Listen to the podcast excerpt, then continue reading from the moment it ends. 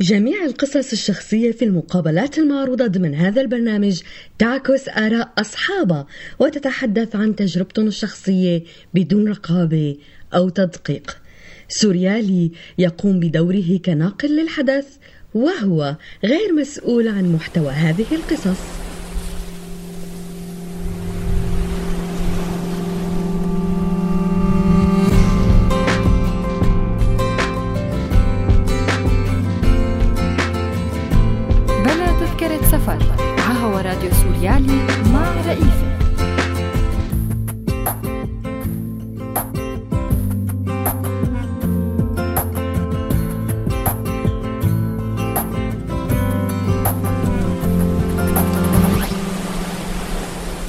بحلقة اليوم من بلا تذكرة سفر.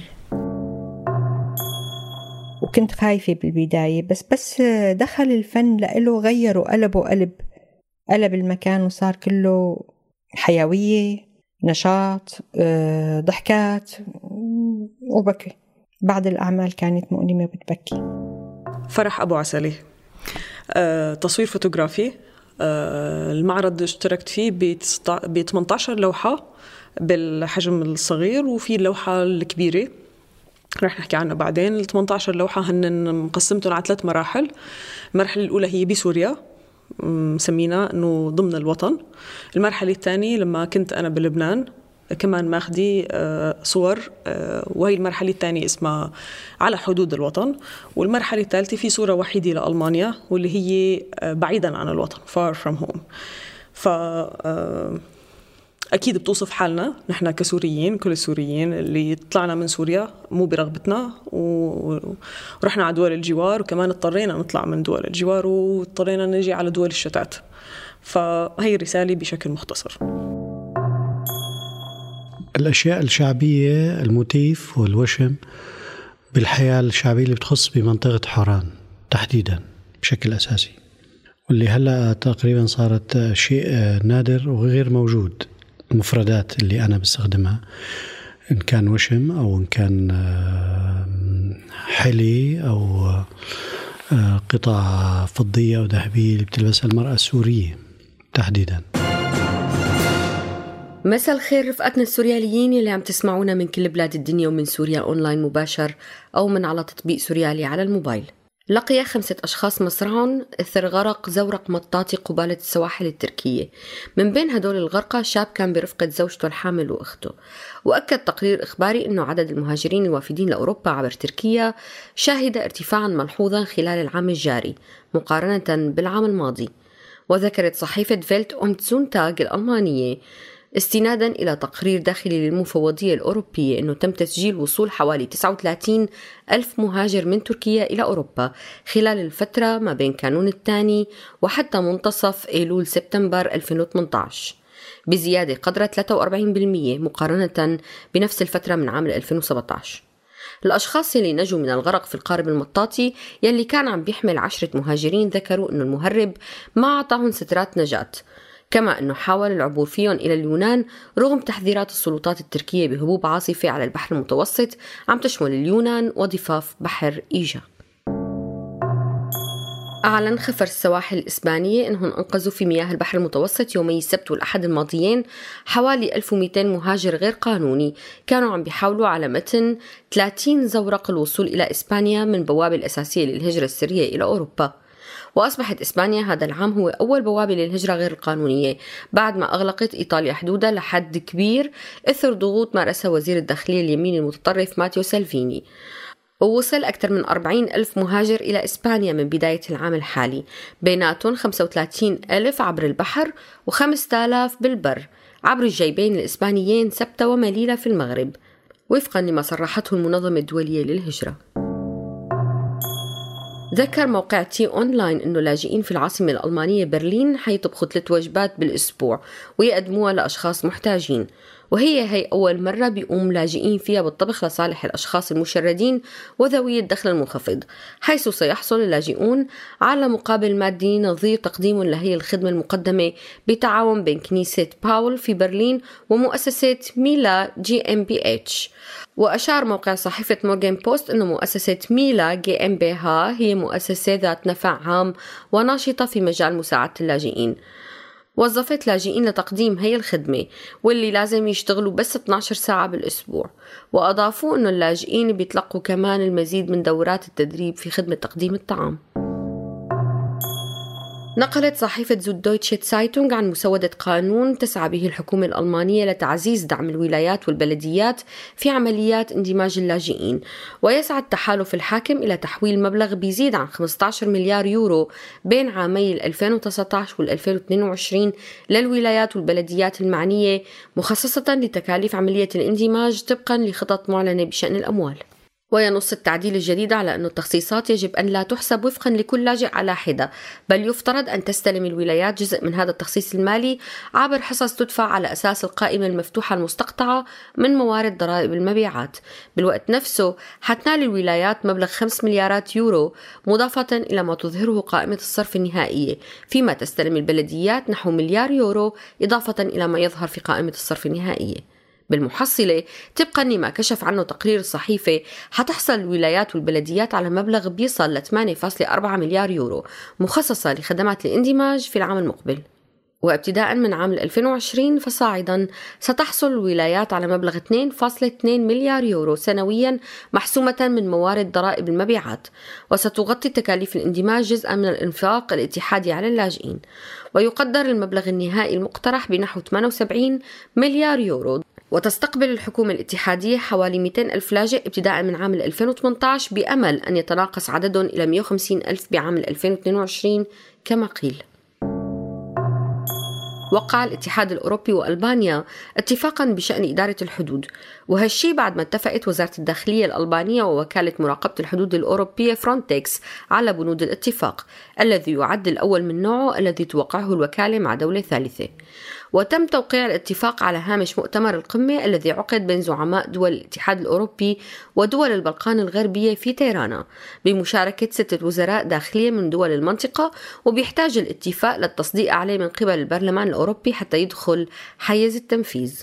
ويسمح الاتفاق بالتنسيق بين الدول الأعضاء في الاتحاد الأوروبي وألبانيا في مجال إدارة الحدود كما سيمكن وكالة مراقبة الحدود الأوروبية فرونتكس من التدخل في الحدود الخارجية يلي بتشارك فيها دولة أو أكثر من الدول الأعضاء في الاتحاد مع ألبانيا. ومن الممكن أن يتضمن ذلك الأراضي الإقليمية لألبانيا بالاتفاق مع السلطات المحلية. بيستخدم الفن منذ القدم في العصور الماضية على شكل رموز منقوشة في الصخور والأحجار للتعبير عن وجود خطر عم بيهدد الحياة أو علامة يستدل بها على الطريق. وبيشمل الفن جميع الفنون البصرية والسمعية. فالرسالة اللي بيحملها الفن هي أقوى رسالة مفهومة لدى الشعوب لوضوح تفسيراتها. ولكل شعب فنه الخاص وله صبغة بتختلف عن ما حوله. لكن هو بيضل اللغة العالمية اللي بيقدر كل البشر يترجموا معانيها ورموزها ويفكوا شفراتها.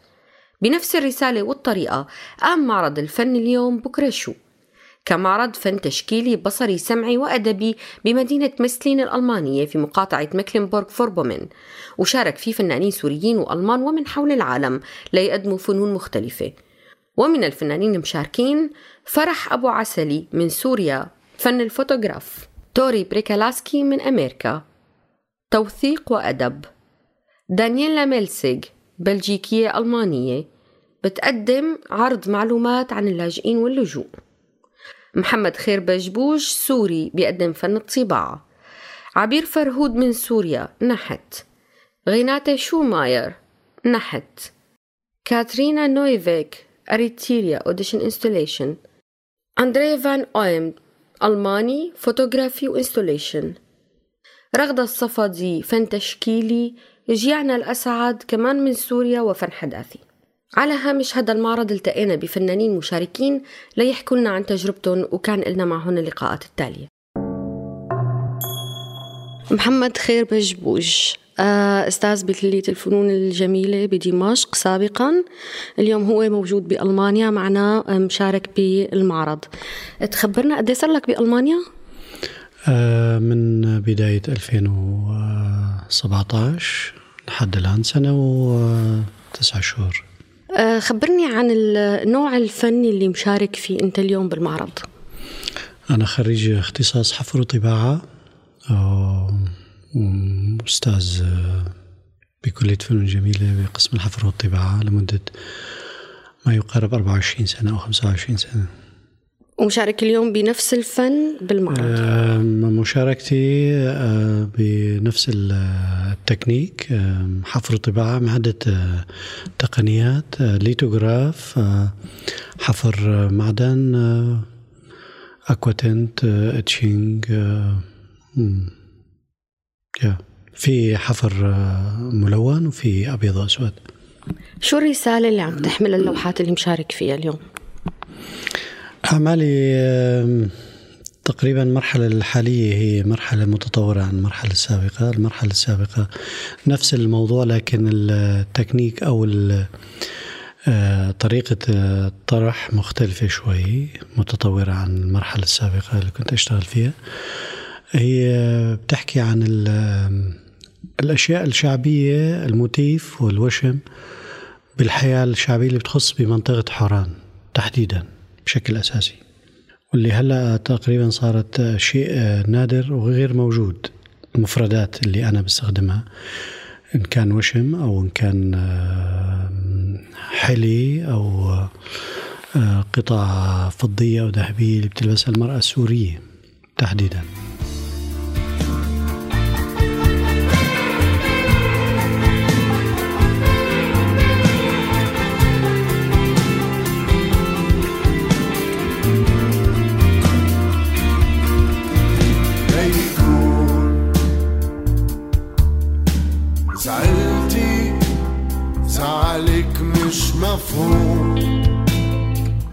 فجأة بلمتي كأنك درس تعلمتي ليكون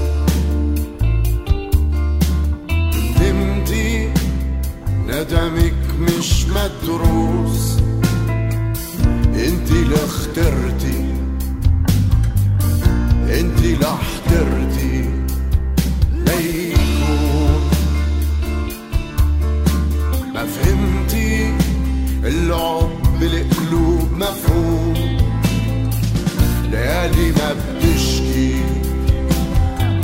ونهارك بيبكي على ليكون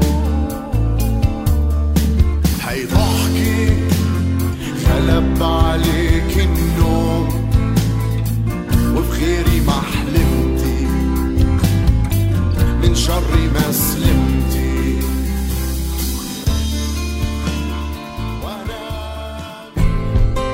هوا راديو سوريالي ببرنامج بلا تذكرة سفر. رجعنا لكم أصدقائنا لنتابع لقاءاتنا مع فنانين سوريين لاجئين بألمانيا مشاركين بمعرض الفن اليوم بكرة شو. فرح أبو عسلي. قد إيه صار لك بألمانيا؟ صار لي ست شهور ونص. آه من وين إجيتي؟ كنت بلبنان ضليت سنتين ونص بعد ما طلعت من سوريا بال 2015 وبعدين إجيت لهون. خبرينا عن مشاركتك بهذا المعرض.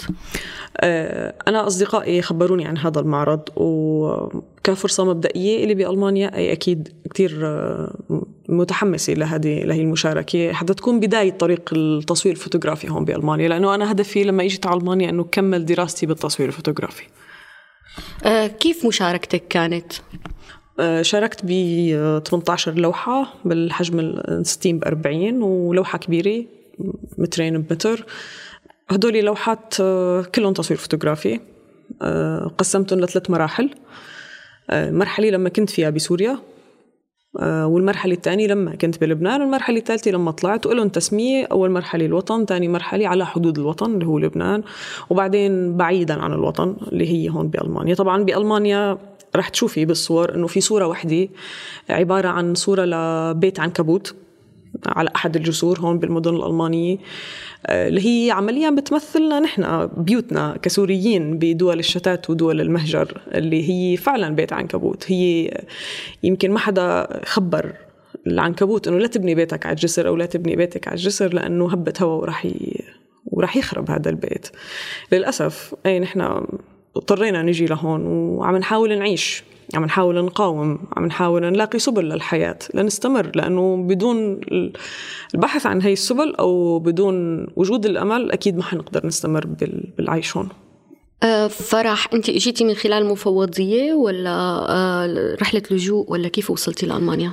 أه، ضليت بلبنان سنتين ونص ما كنت ناوية أطلع نهائي لأنه الأقرب على القلب الأقرب على سوريا آه، صار معي ظروف أمنية بلبنان جدا مفاجئة وصعبة. اضطريت أقدم أوراقي على السفارة الألمانية.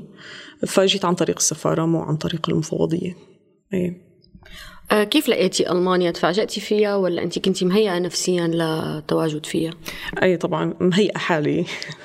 ولأنه ما كان عندي رغبة بالسفر لأنه أنا بعرف هون شو الوضع. ودول أوروبا ودول المهجر هي مانا الجنة ولا هي المرغوبة. تماما لأنه بنعرف شو أنا شخصيا بحكي عن حالي. بعرف شو معنات الغربة جربناها كثير وبعرف شو معنات نكون بعاد عن أهلنا ووطننا وبعاد عن الثورة السورية وبعاد عن كل شيء كل شيء عم يصير بسوريا. فاي أنا بعرف شو رح نعاني هون تماما. بس للأسف للأسف الشديد إنه ما فينا نرجع حاليا واضطرينا إنه نطلع. مو برغبتي أكيد بس بالأخير جيت لهون وما حأسمح إنه آه، يصير إنه تتدمر حياتنا؟ لا. بدنا نبحث دائما عن شيء نعمله شيء نقاوم فيه وشيء نضل الثورة مستمرة جواتنا وننشر الثورة ونعرف مين هي سوريا وشو صار بسوريا وليه نحن إجينا لهون. نحن ما جينا لهون طلبا ل...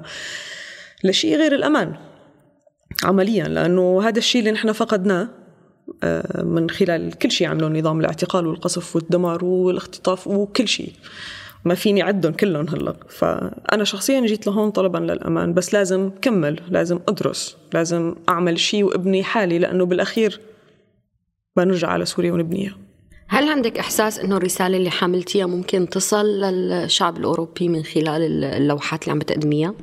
إيه حاولت إنه آه، قدم هي الرسالة بالطريقة اللي حكيت لك إياها. آه، لأنه هن رح يسألوا شو معناتها إنه أنتم بعاد عن الوطن. شو معناتها؟ صور النار اللي أنا حاططها النار اللي هي خلتنا نطلع ونترك ونبعد. أه وعمليا إيه أنا ومجموعة كبيرة من أصدقائي السوريين وغير السوريين المتواجدين هون بألمانيا مع نشطاء مدنيين ألمان عم نحاول إن أقل شيء بالمدينة اللي أنا فيها عم نحاول نوصل صورة للمجتمع الألماني بشكل خاص إنه ليه نحن موجودين هون؟ وليه هلق ما فينا نرجع؟ لأنه بعده النظام قائم. آه، وليه صارت آه، هي الهجرة وهذا اللجوء وكل هذا الشيء لأنه في ناس لهلق ما بتعرف شو اللي فعلا صاير. وليه نحن العالم عم ترفع لافتات هلق بالشوارع إنه رجعوا لبلدكم. بس رح نرجع على السجون. ما عاد قادرين نتحمل الخسارة ونخسر ناس أكثر من اللي خسرناها. رغدة الصفدي خبرينا عن مشاركتك بمعرض الفن اليوم بكرة شو؟ كانت مشاركة مفاجئة وأنا على استعداد دائما. بس يقولوا لي في معرض؟ بقول لهم أنا مستعدة. شاركت بالمعرض بحوالي 11 لوحة آه، زيتية آه، بعضهم خمسين بخمسين وبعضهم سبعين بخمسين. كانت كلها تقريبا مناظر طبيعية. شو الرسالة اللي بيحملها الفن اللي بتقدميه؟ أنا لما برسم آه، بحط من روحي باللوحة. بحس حالي لما برسم عم أرقص عم غني عم أفرح وبنقل الفرح من خلال الألوان. يعني اللي بيشوف لوحتي بحس بإحساس الفرح. بحاول أنشر الفرح قد ما بقدر. ما بحب الألم وما بحب أرسم عن الألم أبدا. بحب أرسم لو وردة صغيرة تعبر عن الفرح. ما بتشعري إنه اليوم مطلوب منك كفنانة إنك تنقلي صورة الواقع؟ الواقع مؤلم وأنا كتير بكره الألم. هربت من الحرب وهربت من الدمار وبكره بكره المناظر المؤلمة وما بحب خلدها. بتمنى لو لاقي صورة حلوة مفرحة برسمها. برسم كل شي بتشوفه عيني. ما ما عندي رسم زي صعبة ولا شي صعب إني أرسمه بس بكره الرسم المؤلم وبكره إني جسد الألم ليتخلد. بحب امحيه من ذاكرتي وذاكرة كل الشعب السوري. التجربة بمشاركتك بمعرض مثل هاد مع فنانين سوريين وعالميين مختلفين شي من ألمانيا من إريتريا ومن دول مختلفة تانية مثل بلجيكا. شو أضاف لك لتجربتك؟ أضافوا الفنانين الموجودين آه، والقائمين على المعرض كتير كتير آه، خبرة إلي. وفتحوا لي مواهبي وفتحوا لي آفاق آه، جديدة على الفن اللي أنا شفته وتعاملت معهم. كان وركشوب حقيقي وكانت فيه فائدة كتير كبيرة. كان ممتع الشغل معاهم النحت حلو. المعنى ورا الشغل اللي شاغلينه كتير بعيد وكتير حلو. فيه فائدة وفيه متعة. المعرض مقام بمبنى ثقافي لقرية مسلين آه، بشرق ألمانيا. هالأبنية القديمة اللي بتعود للعهد الشيوعي أو ال DDR مثل ما بيسموها بألمانيا آه، هل ذكرتك بشيء أو فيها شيء بيشبه ذاكرة عندك بتتعلق بسوريا؟ أكيد بيشبه. أكيد. وشي مرعب اللي شفته. بس آه، مجرد ما تعلقت اللوحات على الحيطان وتعلقت الأعمال انمحت من ذاكرتي هذه الشغلات وهالرعب. حسيت لما فتت عليه قبل ما تتعلق اللوحات إني فايتة على محل تعذيب محل قديم محكمة كبيرة شيء غريب عجيب. بيت قديم بس فيه أرواح. وكنت خايفة بالبداية بس بس دخل الفن لإله غيره قلبه قلب قلب المكان وصار كله حيوية. نشاط آه، ضحكات وبكي. بعض الأعمال كانت مؤلمة بتبكي برأيك هل ممكن الفن اللي عم يتقدم هلأ أو بكرة يخلي سوريا جميلة بنفس الطريقة؟ بتمنى وبتمنى الفن يأثر دايما. هن بيقدروا الفنانين يأثروا بس مقيدينهم ورابطين لهم إيديهم ورجليهم وبيقولوا لهم أنتم ما عم تشتغلوا. بيوم من الأيام الفن حياخد حقه. وبيوم من الأيام حنحقق شيء أكثر من اللي مطلوب منا بس يقون الأوان بيتغير كل شيء وكل واحد منا بيقدر يطير ويفرد جناحاته ويثبت مقدراته. أنا لما كنت بسوريا كنت مقيدة كتير ولما أجيت هون حسيت إنه باستطاعتي إنه أعمل شيء. بيوم من الأيام إن شاء الله أقدر أقدم لسوريا شيء يغيرها. أقدم للأطفال شيء يتذكروني فيه. يتذكروا في تاريخهم القديم والجديد يتذكروا كيف يوقفوا على رجليهم. الفن هو رسالة والرسالة حلوة لما نعرف كيف نوجهها. بتمنى وصل رسالتي. أنتوا على هوا راديو سوريالي ببرنامج بلا تذكرة سفر. معي أنا رئيفة. بنهاية الحلقة بدي أشكر متابعتكم واستماعكم ودايما بشكر زميلي عبد الكريم الحلبي على الإخراج. كونوا معنا دائما على السمع وبدي أذكركم تفوتوا على موقعنا سوريالي دوت نت وتزوروا صفحاتنا على مواقع التواصل الاجتماعي فيسبوك وتويتر لتتابعوا أرشيفنا وتسمعوا بثنا المباشر. كنت معكم من وراء المايك رئيفة المصري. ضلوا بأمان وبألف خير.